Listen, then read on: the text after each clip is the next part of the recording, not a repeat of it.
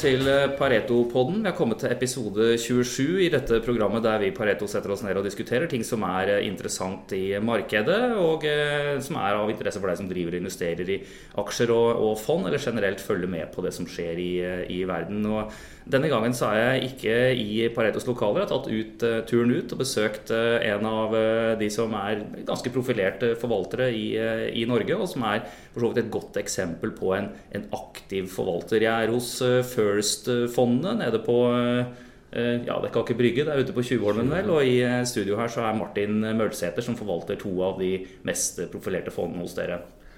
Takk for det. Mm. Ja, Jeg kan ikke si velkommen i studio, Nei. for det er, jo, jeg er jo hos dere. Så. Det er sant. Velkommen hit. ja, men altså, det, dere er en frittstående kapitalforvalter, og dere er, dere er aktive. Ja. Eh, og det er litt det jeg skal snakke om eh, her i dag, egentlig. Og det, det, som er litt spesielt dagsaktuelt nå, er jo at eh, vi har hatt et intervju med deg før på, på nettsidene våre, og det, det, har jo vært eh, med fond som for så vidt mange syns er interessante, men som jo man ikke kan kjøpe. Ja. Eh, du har ett norsk fond. Eh, dette Generatorfondet er det vel, som, ja. som, har vært stengt for nye tegninger. Vi kan komme litt tilbake til hvorfor det. Mm. Men så har man hatt en internasjonalt fond som ble åpnet for et års tid siden. Mm. Men som da første året har hatt høy minimumstegning, men som nå er blitt eh, nå er den redusert. Så nå kan altså alle som sitter og lytter her, eh, ha muligheten til å tegne i fondet. Ja. Det har gått fra 1 million til 1000 kroner i minstetegning. Ja. Så da, da, er man i gang. Og, men, men, hvis vi først tar litt om dette her. altså Dere er en, en, en aktiv forvalter. Eh, og eh, det er jo mange som sier de er det. Eh, men som har veldig strenge begrensninger allikevel. Altså, man snakker om skapeindeksfond, eller man snakker om liksom aktiv andel og de greiene her. Men, men slik jeg oppfatter det, så er jo dere liksom det man kan kalle helt aktive. Kan du, kan du beskrive litt hvordan mandatet jobber under, egentlig? Ja, vi, Jeg har veldig konsentrerte fond. Og det mener jeg i motsetning til mange andre, eller de fleste konkurrentene mine, som har veldig mange aksjer. Så jeg har mellom sånn 15 og 25 aksjer. Og, det, eh, og jeg mener at man ikke skal ha for mange aksjer i en portefølje. Fordi eh, da kan du, du har En god forvalter har kun noen få ordentlig gode ideer i løpet av et år. Og da har du mulighet til virkelig å satse på de ideene. Istedenfor å vanne de helt ut ved, ved å f.eks. kun ha 5% i en aksje. Så det, De fondene dine ligner jo da mer på kan du si, den type porteføljer som, som private personer kan ha. altså ja. Eh, hvor, man, hvor, man, likevel har en viss diversifisering, men, men, man holder seg mye mer konsentrert enn ja, et typisk stemmer. normalt fond som gjerne sitter på 30-50 aksjer og gjerne den øvre delen av, av det intervallet. Ja. Og Fordelen da med et konsentrert fond er at hvis du er da som forvalter bedre enn gjennomsnittet, så får du da vesentlig bedre forvaltningsresultater. Altså Fondene gjør det da vesentlig bedre siden du har jo mer konsentrerte eh, bets. Du har større bets. Så, så kan man spørre seg hvorfor gjør ikke de fleste eh, andre det sånn? Og, og baksiden av medaljen hvis du har et konsentrert fond, er at du kan ikke la fondet bli for stort. Fordi hvis du lar fondet bli veldig stort, så blir det altfor store posisjoner. Transaksjonskostnadene blir for høye. Ja, For det begrenser seg rett og slett på hva du på en måte klarer å komme ut og inn av uten at det er du som flykter prisen rett og slett når Riktig. du skal gjøre det? Ja, så derfor så vil du si at de aller fleste de velger heller å ha et, et bredt fond, og da kan fondene bli veldig, veldig store, som er bra for forvaltningsselskapet. Ikke nødvendigvis det beste for kundene. Og vi velger da å ha konsentrerte fond, men da må vi lukke de når de blir, begynner å få litt størrelse. Men da kjører vi også performance fee, som gjør at eh, vi som forvaltningsselskap hvis vi virkelig knuser indeksen, ja, da blir det bra lønnsomhet. Altså her, her, dette er jo et godt uh, poeng, egentlig. For her sitter dere liksom virkelig i samme stol som kundene. Vel, kan ja. si dere, dere har vel egne penger i fondet òg, så dere sitter jo virkelig i samme stol som, som kundene. Men man, man har, ser for seg et marked. Du kan manøvrere der relativt fritt. Uh, og det er jo som de som kjører rallybil også. Du har jo en fot på gassen og en på bremsen. Du må, man må styre risiko her også, liksom. Så, så, så, så, kanskje du kan si litt om det. Altså man, man er jo ute etter å ta offensive posisjoner når du ser noe spennende, men samtidig så er det liksom Man må ha en viss eh, begrensning på posisjonsstørrelse, spredning, det der. der. Men, eh, men, men, hva vil det si å være konsentrert? Altså, ser dere noe mot indeks og indekssammensetning i det hele tatt, eller er det liksom bare å, å plukke det man er uh, interessert i? Og det kan være all in oil service nesten i en periode, og så konsumaksjer i en, en annen periode, bare, bare for å tenke det? Ja, det er Vi ser faktisk mest på, aksje, på aksjene. Så, er, så, vi ser ikke så mye på indeks. Så det blir ganske konsentrerte bets i perioder. Mm. Og sånn som f.eks. nå, så har vi nesten kanskje rundt 45% av disse to fondene mine er eksponert innenfor energi. Og det er jo ganske ekstrem overvekt i forhold til hva som er ja, det er i forhold til hva man ser i, i verdens uh, aksjemarked, i hvert fall. Og, uh, hvis vi kan ta litt om dette her. altså det, det, ene fondet er ganske nytt, det andre er da litt eldre. Kan du ta litt om storyen på, på hvorfor dere etablerte det nye altså First Global Focus uh, i, når dere da hadde, hadde en, den gode historikken kan du si, fra, fra Generatorfondet? Ja, altså Hvorfor vi gjorde det? Det var fordi at vi hadde handlet i Generatorfondet, så har vi de siste årene handlet rundt 20% internasjonalt. Og vi fant ut at Eh, den, det bidraget fra de internasjonale aksjene eh, det skapte veldig mye mer avkastning. Og så har vi hatt en egen tro på at type råvarer, energi, skal bli veldig bra framover. Og da er det veldig mange aksjer som ikke er notert på Oslo Børs, som er veldig interessante. Som vi uansett følger. For de følger jo, mm. siden det er jo sammenlignbare selskaper til Oslo Børs. Så, så så da valgte vi å sette opp dette First Globalt Fokusfondet, som da kunne investere i de aksjene. Og mm. utnytte. Så det er, det er, liksom ikke noe helt nytt for deg? Det er mye å, å, investere i selskaper du allerede hadde posisjoner i, men da mindre ja. posisjoner, eh, og selskaper du uansett følger fordi du følger de, eh, de, de andre som er notert på Oslo Børs. Det er jo et et godt poeng for så vidt, som vi ser daglig hos, eh, hos, oss. Altså, mange kunder, særlig når man er ny på markedet, går jo gjerne bare på den hjemlige børsen. Men Oslo Børs er veldig liten. Det er riktig. Eh, det, det, er den, og eh, de selskapene som er her, svinger jo mye mer i takt med lignende selskaper internasjonalt enn det f.eks. Orkla svinger i takt med, med Statoil. Ja, det stemmer. Og så vil du si at dette globaltfondet som vi har, er ganske forskjellig fra de fleste andre. Jeg er opptatt av å finne bra aksjer en del av mine konkurrenter er mer opptatt av type sånn konsepter. Så du ser på konsepter f.eks. at folk eh, legger på seg i Kina. Ja, da skal du kjøpe Novo Nordisk som det er eh, mm. rettet inn mot det. Det er sånne type sånne konseptstories som eh, det høres fint ut, og kundene nikker, og ja, det høres fornuftig ut. Og så er problemet at aksjene er veldig dyre. Og jeg, jeg er mer opptatt av bare å finne billige aksjer. altså om det er kullgruveselskap i Kina eller hva det er. Det, det får så være. Men det, det er det viktigste. Mm. Så det er prising som er det første ja. du ser på. Men hva med dette med, med, med story og momentum? Og liksom, fordi en, det, det, er mange selskaper der ute som er, er eh, billige, men som er value traps. Det, det skjer ja. ingenting, liksom. Så, så, så, så, jeg har jo følelsen når jeg har lest intervjuer med deg, sånn at du er liksom opptatt av at det skal ikke bare hva du eier, men når du eier det. Ja, det er riktig. Så prøver, altså Jeg har ikke noen spesiell stil i det fondet her. Det er ganske sånn opportunistisk. og du vil si at Særlig sånn som nå når vi nærmer oss slutten av året, så er det mye opprydninger i porteføljer. Man skal bli kvitt skamplettaksjene sine, gjerne de som har gått dårlig i løpet av året. Så det ser pent ut ved årsslutt. Og da kommer det fram poster som uh, blir dumpet ut, og du får tilgang til det veldig veldig billig. Så det er en sånn type sånn eksempel på at det er ganske opportunistisk hvis jeg får tak i en post med en aksjer som er, blir satt 10-15-20% under børskurs fordi noen vil bli kvitt det, så tar jeg gjerne imot hvis det ser bra ut. Mm.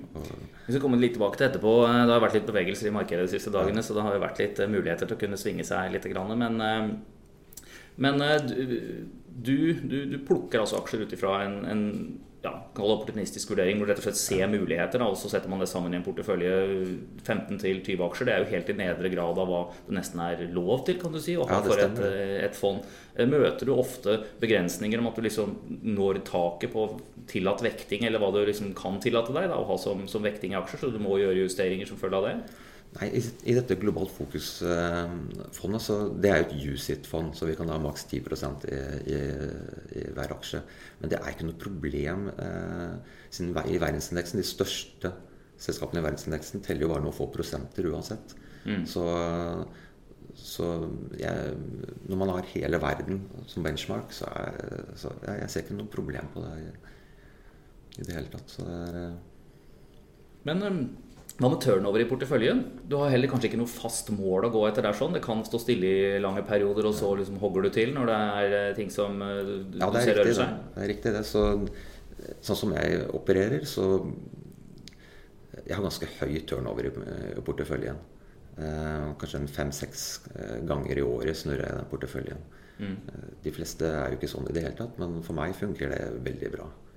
Og ja, jeg synes at det Siden det er så få andre som opererer på den måten, så gir det meg eh, liksom litt ekstra spillerom. Og ofte opererer jeg i aksjer som det er nesten ingen andre profesjonelle investorer som, opererer. Og da, da kan jeg tjene penger på hvis f.eks. aksjemarkedet faller, at en privat investor må tvangsselge, så kan jeg komme og ta imot. Mm, mm, mm. Så, men det går litt på fondets størrelse også. Hvordan, ja. hvordan er størrelsen nå på, eh, på det, det, globalt fokusfondet som du opererer? Eh, det globalt fokusfondet er nå litt over 600 millioner kroner, så, så størrelse er ikke noe problem. Nei, nei, nei. Og I tillegg så tjener du på dette First Generator-fondet, som er jo 1,6 milliarder. Det fondet får jo tilgang til alle mulige dealer som skjer der ute i, i markedet. Eh, og da får jo også First globalt fokus være med på de dealene. Mm. Så vi er inne i First-paraplyen. Så, så, fondet er relativt liten størrelse, men, men, eh, på en måte får godene av, av å, å, å, være større uten å være større, faktisk. Mm. Det er noe av det jeg syns er morsomt og spennende med aksjemarkedet. Det er jo at det er, så, det er rom for så forskjell, mange forskjellige tilnærminger. Det er jo akkurat som å se på et sånt rev under havet. Liksom. Du, har, du, har, noen skilpadder der, og så har du eh, hai, og, og, begge liksom kan leve godt sammen. Og så har du små og store fisker. Ja. Eh, og dette her, den måten dere driver dette fondet på, er jo noe av det mest aktive som fins i, i, bransjen. Ja. Eh, og så har dere, ser man andre aktører der sånn, som jo er helt indeks, som det er nyttepunktet. Ja. Men så har man jo mange av de som er aktive forvaltere i midten, som enten er relativt nær indeks fordi de tør egentlig ikke å ja. gå bort fra det. Man snakker jo i bankene om liksom risikopoeng du kan tørre å ta med avvik fra indeks. Liksom det, det, er litt merkelig for å sette seg inn i det. men eh, og så har du disse tematiske fondene sant, som går etter såkalt vekst, kvalitet, eh, momentum, hva det måtte være, verdiaksjer. Så, mens, mens, dere står helt fritt, og det er, det er ganske, ganske, spennende. Vi har, eh, ja, vi har, vært inne på dette med, med, forskjellen på fondene. Det er egentlig på en måte en relativt lik portefølje tematisk, altså, men den ene med hovedvekt Norge, den andre hovedvekt internasjonalt. Det stemmer. De, går, de svinger veldig i takt, disse to fondene. Så det er Eh, og som sagt, jeg, var, eh, jeg, er stor innskyter i begge fondene. Så mm. jeg føler hver dag på kroppen hvis det går bra eller dårlig. Ja, og det er det vi må se litt på nå. Altså nå, nå er det, fordi For en som nå kommer inn og tegner i fondet deres ja. Eh, nå, hva, hva, er man med på? Hvordan ser du markedssituasjonen nå? Det står jo massevis i avisene om at, man, at ting er dyrt, at det er eh, mm. noe annet er, har, Noe har falt en del internasjonalt. Du ser jo syklisk oppsving i enkelte sektorer, mens andre er i en helt annen fase. ikke sant? Mm. Jeg må si det, det er jo nok å, å ta tak i her. Ja. Hvis du ser på den porteføljen jeg har nå, den har en prisbok på 0,7. Til sammenligning så har eh, Morgan Stanley verdensindeksen en prisbok på 2,4 i øyeblikket. En ganske dramatisk så, forskjell. Jeg bare minner de som lytter der ute på at eh, prisbok på under 1 betyr at du kjøper deg inn i selskapene under de bokførte verdiene i balansen. Ja. Så jeg, jeg, ligger da med selskaper som, hvor lønnsomheten per i dag er egentlig ganske dårlig. Men det betyr også at det, det er i industrier hvor man ikke bygger noen ny kapasitet. Sånn at eh, Derfor så, Hvis det nå kommer en ny nedtur, så tror jeg at disse aksjene vil falle mindre enn de som er priset veldig høyt. F.eks. Telekom på prisbok 4, Fisk på prisbok 4-5-gangen. Mm. Man ser jo på et internasjonalt marked her hvor en del eh, ganske indekstunge sektorer, det nevnte Telekom bl.a., har blitt priset voldsomt opp pga. at man har vært i et lavrenteklima og dette har vært stabile, trygge businesser. Og så er det egentlig nesten rentepenger som har kommet til, til den type aksjer. Mens når du snakker om selskaper som har prisbok under én, der, der, er det mye av det, de sektorene hvor det har vært ledig kapasitet. vi snakker rigg, shipping, ja. oil service. Ja. Sektorer som man kjenner godt i, i Norge. ikke ja. sant? Gjødsel, blant annet. Mm. Ja, gjødsel også. Og, og, her ser man at det begynner å stramme seg til. rett og slett. Jeg, jeg hører iallfall det fra våre analytikere daglig, kan man si. ja. Jeg ser at nå har vi et uh, vindu innen shipping offshore på to-tre to, år som kan bli veldig veldig spennende. Hvis du ser historisk, når f.eks. oljeprisen har gått veldig mye opp et år, så går oil service veldig, veldig bra året etterpå. Mm. Og det er jo fordi den store oppgangen i oljepris eh, gjør at oljeselskapene får veldig bra resultater og kontantstrømmer, og så begynner du å bruke penger på, på rigger og ja, jeg syns jo dette her er helt Det er liksom skoleboksykkel, det ja, man eh, det ser akkurat, eh, akkurat, nå. Du har hatt en periode med veldig lave oljepriser hvor da eh, oljeselskapene får beskjed av sine eiere igjen om å stramme inn. ikke sant? Ja. At man er opptatt av utbytter og kontantstrøm og alle de tingene der. Og, og så får man nå en periode hvor, hvor det er ekstrem lønnsomhet i de bedriftene. Og da kommer de samme styrer og eierne til å se at ja, men hvorfor investerer dere ikke? Ja. Ikke sant? Og, I tillegg så er disse bransjene her internasjonalt de er veldig små i forhold til tech og andre bransjer. Så det er veldig lite fokus på disse aksjene internasjonalt. Så, så det er lite profesjonelle investorer som, som, fokuserer på disse bransjene. Så mm. Derfor så mener jeg at vi som sitter her da i Norge med et helt unikt nettverk innen shipping, offshore og, og energi, eh, vi har en kjempefordel. Ja, Det er jo interessant. det er fordi at man, man, ser ting med et norsk synspunkt, og det kan ha noen fordeler. Men man må ikke glemme hvordan de internasjonale ser på det. Jeg var jo på, på Pareto-konferansen her i høst, så kom jeg i prat med en, en amerikansk forvalter. Han, han, snakket om å allokere litt mer til small cap og mid cap. Og han tenkte han lurte på om han skulle kjøpe TransOcean. Verdens største riksselskap. da. Så det er klart at det, det, størrelse kommer an på hvilket utgangspunkt det er du har når ja, du ser på det. Det er sant. Så, nei, men jeg tror nå får vi Nå har vi et unikt vindu på to-tre år som, eh, som, gjør at uh, dette fondet mitt tror jeg kan gjøre det veldig veldig bra i forhold til andre globale fond. Mm. Så, og I tillegg så Vi bruker jo Norden. Norden er jo en slags verden i miniatyr, hvis vi ser på de nordiske børsnoterte selskapene. Så jeg har med meg en som heter Niklas Salbu, som koforvalter. Han ser en del på litt mer eh, litt, disse andre sektorene enn energi og råvarer. Og blant annet så er vi jo med på børsnoteringer. Særlig i Sverige har jo vært veldig veldig gunstig å være med på børsnoteringer. Du får i gjennomsnitt sånn 15-20% første dagen. Mm. Eh, men for å få lov til å være med på det, så må du møte managements, du må skrive eh, tilbakemeldinger, du må gjøre en ordentlig jobb.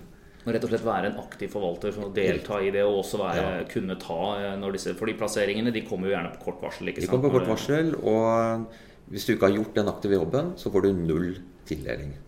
Mm. Vi får mellom 10-30% tildeling av det vi ønsker, og det, det, er veldig veldig bra til å være en norsk forvalter. Og så Vi har vært med på mange av de transaksjonene og selger oss ut etter noen få dager. Vi får 15-20% avkastning i gjennomsnitt på det. Mm. Så det er en fin sånn bigeskjeft. Så dette å være aktiv forvalter er rett og slett å, å, å kunne ha fleksibilitet både på mandat og kapitalstørrelse og tilnærmingsmåte til markedet til å kunne ta gode dealer der de er. Ja. Litt sånn som å være jeger når du går ut. Altså, du kan ikke bare gå og skyte, du må liksom se dua eller eh, reven eller noe sånt først. Ja, stemmer det. Problemet også Eller det at man ikke har et spesielt stil i et fond, sånn som jeg har ehm, det Vanligvis så liker ikke rådgivere som skal rådgi hvilke fond du skal gå inn i, de liker egentlig ikke det. Fordi de vil gjerne sette forvalteren i en boks. Det passer best. Si at det er value, eller du er vekst eller momentum. Eh, det, det, det passer ofte rådgiverne bedre. Så de, de fleste, eh, fleste, fond liker å bare framstå at de har en spesiell stil. Men, mm. Eh, men vi har ikke det. Nei, så får det heller være med at vi ikke får så mye boks, penger. Si det, du setter deg iallfall i en boks hvor også forvalteren sitter. Det er helt riktig. så det, det, der er spennende. Nei, det er, det er, litt interessante tider nå i akkurat de sektorene du snakket om. Jeg hadde vår vi hadde folk fra, fra shippingteamet vårt i dag som sa at, ja. på, på, morgenmøtet at eh, for første gang på veldig lenge så måtte de oppjustere skalaen på de chartene som viste rater. så det, det var veldig leserhusen alltid var veldig hyggelig. Ja. Eh, og det var en stund siden. Så eh, rett og slett nå, nå liksom stanga grafene i taket, så du måtte oppjustere. Det er litt det motsatte, husker jeg, når jeg satt under finanskrisen for noen eh, ti år siden. Måtte, da, da, var jeg megler. Jeg måtte flytte telefonen min, for den var nede i det høyre hjørnet. Og grafene på skjermen forsvant ned bak telefonen, så jeg så ikke tallet. men, men, det er litt sånne epistler fra, fra markedet som er litt, uh, litt uh, artig. Um, men altså, det er lav pris bok i fondet nå. Ja. Uh, og, og, i sektorer som som er godt kjent her i Norden, eh, ja, og som nå står foran et, et syklisk uh, oppsving. Er det noen andre spesielle ting du vil trekke fram i, i fondet akkurat nå, som du ser på som, som, spennende? Eller hvordan ser du for deg at dette kommer til å spille seg ut near term? da? Det vi har uh, et klar overvekt på nå, bl.a. innen oil service, det er jo rigg sin først. Altså først stiger oljeselskapene etter en nedtur, og så stiger seismikkselskapene. Og så er det riggselskapene sin tur, og den fasen er vi i nå. Eh, så skal supply-selskapene som betjener riggene, begynne å stige kursmessig. Så vi har begynt å kjøpe litt supply også. Mm. Og til slutt så går eh, subsea-selskapene. Så det ser ut som det utspiller seg Den, den sykkelen her er lik som det vi har sett tidligere. Så akkurat nå har vi veldig mye riggaksjer. Eh, Seadrill er den vi har mest tro på. Mm. Eh, som tror jeg fort kan doble seg igjen. Eh, og der er jo Det er veldig få av de store norske fondene som har siderill ennå. Ja, Etter at den kom ut av den restruktureringen, så har ja. det blitt en helt ny aksjonærbase der. Eh, hvor, hvor jo egentlig mange av aksjene havnet hos eh, amerikanske renteforvaltere. Eh, som jo ikke er de som langsiktig kommer til å sitte på det. Så det har jo vært en, en utskifting der de senere ukene, kan man si. Ja. Eh, og det, det, bildet du tegner opp, stemmer jo veldig mye med det våre analytikere også sier på Sidril, hvor liksom den er den mest åpenbare kandidaten akkurat nå. Ja, og det vil si at det er bare ti analytikere som dekker Sidril eh, nå. Det var jo 40 eh, i gamle dager. Så den, det skal, altså særlig i USA også, så skal den eh, få mye mer oppmerksomhet i tiden framover. Så den eh, har vi mye. Og så har jeg Golar LNG, som er jo der eh, norske Trøim sitter eh, mm. med en god pos posisjon.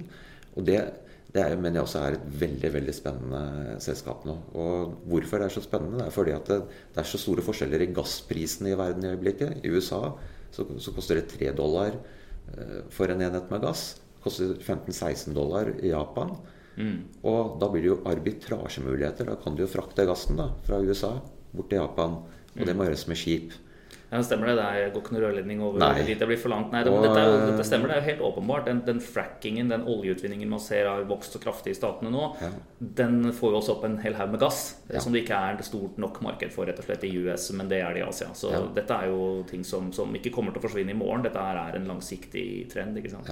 Så, så, dette selskapet som heter Golar LNG, som driver da med frakt av gass, det har vi veldig veldig tro på. Og det, det selskapet også driver med, det er at man finner jo gass rundt omkring, f.eks. i Afrika. Men det er jo ikke der konsumet av gass er. Så du, du finner gass ekstremt billig. Altså, det er superbillig eh, å utvinne, men hvordan få den til markedet? Og da har Olar LNG eh, bygd et svært skip som legger da ja, som, som, ligger ute ved kysten. Da, hvor du får gassen til det skipet, kjøler den ned, og så sender den ut i markedet. Og det er også vanvittig lønnsom eh, geskjeft. Og de har nå kun 50% kapasitetsutnyttelse på dette svære skipet. Jeg tror at de innen kort tid vil øke den til 100% og da blir det veldig, veldig, veldig hyggelig å være aksjonær i det selskapet. Mm, mm. Fondene dine er også det er loan only-fond. ikke sant? Så her, ja. er man, her, er man, investert i markedet ja. og utsatt for de svingninger som er eh, underveis. Eh, for litt eh, opp og ned. Så du, du, kjenner det på kroppen når du får sånne dager som her forrige dagen, ja. hvor, hvor, det er litt skikkelig røde kurser. Hvordan skal man forholde seg til det? Jeg Nei, altså det Jeg tenker da, når jeg har en, en god del av pengene mine i, i, dette globale fondet. Og det jeg tenker er at hvis det nå, eller når det til slutt kommer en eller annen ordentlig markedsnedgang eh, Typisk da faller jo typisk Oslo Børs 50% men internasjonalt så faller det typisk 30% Det faller mindre ute. I tillegg så pleier jo den norske kronen da å svekke seg i en sånn prosess, mellom 5 og 10 mm. Så da, da sitter jeg da uh, Istedenfor å falle 30, så i norske kroner så faller det da kanskje 20 og, og, hvis jeg har gjort jobben min og skaper litt mer avkastning i tillegg, så kanskje det bare faller 10 Og den, den risikoen er jeg villig til å ta. Og mm. sitte hele tiden. Uh, og, så derfor så er jeg villig til å liksom bare se igjennom. Jeg kan ikke gå ut av markedet for det kanskje kommer et eller annet stor markedskorreksjon om ett år, to år, tre år. Fordi det er så mye muligheter hele tiden som jeg da går glipp av. Så, mm. Jeg ser på dette First Generator-fondet, som har gjort det ca. dobbelt så bra som Oslo Børs eh, over en fem-seks års periode. Det er, det er, så mye, det er så mange muligheter der når man er så aktiv forvalter. At, eh, jeg velger å, å være full, stort sett fullinvestert hele tiden, faktisk. Mm. Jeg kan gå ned Jeg kan ha 20% i cash i fondet. Og det vil du se at i perioder så vil jeg gjøre det. Mm. Det er for å kunne stå og kjøpe eventuelt når du blir kasta ut av andre. Det rett og slett. Ja. Mm. Og sånn som i går, så um, fikk jeg plukket opp um, aksjer på tvangssalg i Nordic Semiconductors. Godt under børskurs. Og det er en typisk sånn ting som jeg liker å gjøre da. Når, når det blåser og er uh, dårlige dager, så er det alltid noe som har det verre enn meg. Og de må da selge. Ja. Og da får du kjøpt det til rabatt. Ja, Det høres ut som en, eh, en, klok og sunn tilnærming. Og jeg må si eh, at eh, det er to beslutninger i, i, markedet man må gjøre som investor. Det ene er liksom hvor mye skal du ha i de ulike aktiva klassene, altså i, i renter og i aksjer f.eks. Og når du da har bestemt deg for hvor mye du skal ha i aksjer, så må man bestemme seg for hva slags type fond eller aksjer man da igjen skal, skal være i. Og, og man kan jo si at det der gjør jo, det er der dere gjør den jobben. Dere håndterer aksjebiten av porteføljen, og så er det opp til investoren å egentlig måtte se hvor mye er man komfortabel med, avhengig av markedssituasjonen. Det stemmer. og en annen ting som er litt viktig med det å være aktiv forvalter, det er at nå har det vært mange år hvor det har vært veldig små svingninger på børsen. Og det, jo, det gjør det veldig vanskelig å være aktiv forvalter. Da, da, går vinningen opp i spinningen. Det blir for mye transaksjonskostnader på kjøp og salg. Det har vært kunstig lave svingninger på børsen. Nå ser vi at det normaliserer seg, at svingningene er på vei opp. Mm. Og vi liker svingninger. Jo mer det svinger, jo, jo lettere er det å være aktiv forvalter. Og jeg tror derfor at de neste årene nå så vil vi heller få medvind fra, fra økte svingninger istedenfor motvind, som vi har hatt nå i flere år. Mm. Ja, det stemmer det. Og jeg må jo minne de der ute også på Vi får jo litt spørsmål fra folk som er nervøse og sånt også. At det er ikke bare sånn at markedet har oppgangsfaser og nedgangsfaser. Det har ofte lange faser hvor det er nettopp disse store svingningene og omskiftingene hvor egentlig indeksen beveger seg mer eller mindre sidelengs, men hvor svingningene er større. Ja. Eh, og veldig ofte så skifter man ikke fra et såkalt bull-marked til et bear-marked over natten, men det går gjennom da nettopp denne type brytninger som kan vare lenge, ja. Eh, og som kan innebærer veldig store muligheter når du ser på, på sektorforskjeller. Nei, dette høres eh, bra ut. Eh, man kan kjøpe fondet ditt eh, flere plasser, men jeg vil jo fremheve selvfølgelig Pareto 6 sitt, sitt fondssenter. Det er nå da denne uka blitt senket minimumstegningen fra en million til ja, Vi praktiserer 10 000 da, på, ja, på alle fond der, men det er jo da tilgjengelig for, for alle. Og eh, du sitter her og, og, og, ser på en del sektorer som, som virkelig ser spennende ut nå, med en portefølje ja, hvor, du, hvor, du, kjøper deg inn under bokførte verdier. Så eh, da er det jo bare å, å forsyne seg for den som syns dette her så, så, fristende ut. Så får jeg si tusen takk for at jeg fikk komme hit til First-fondet. Takk til Martin Mølsæter. Og så høres vi igjen der ute. Takk for det.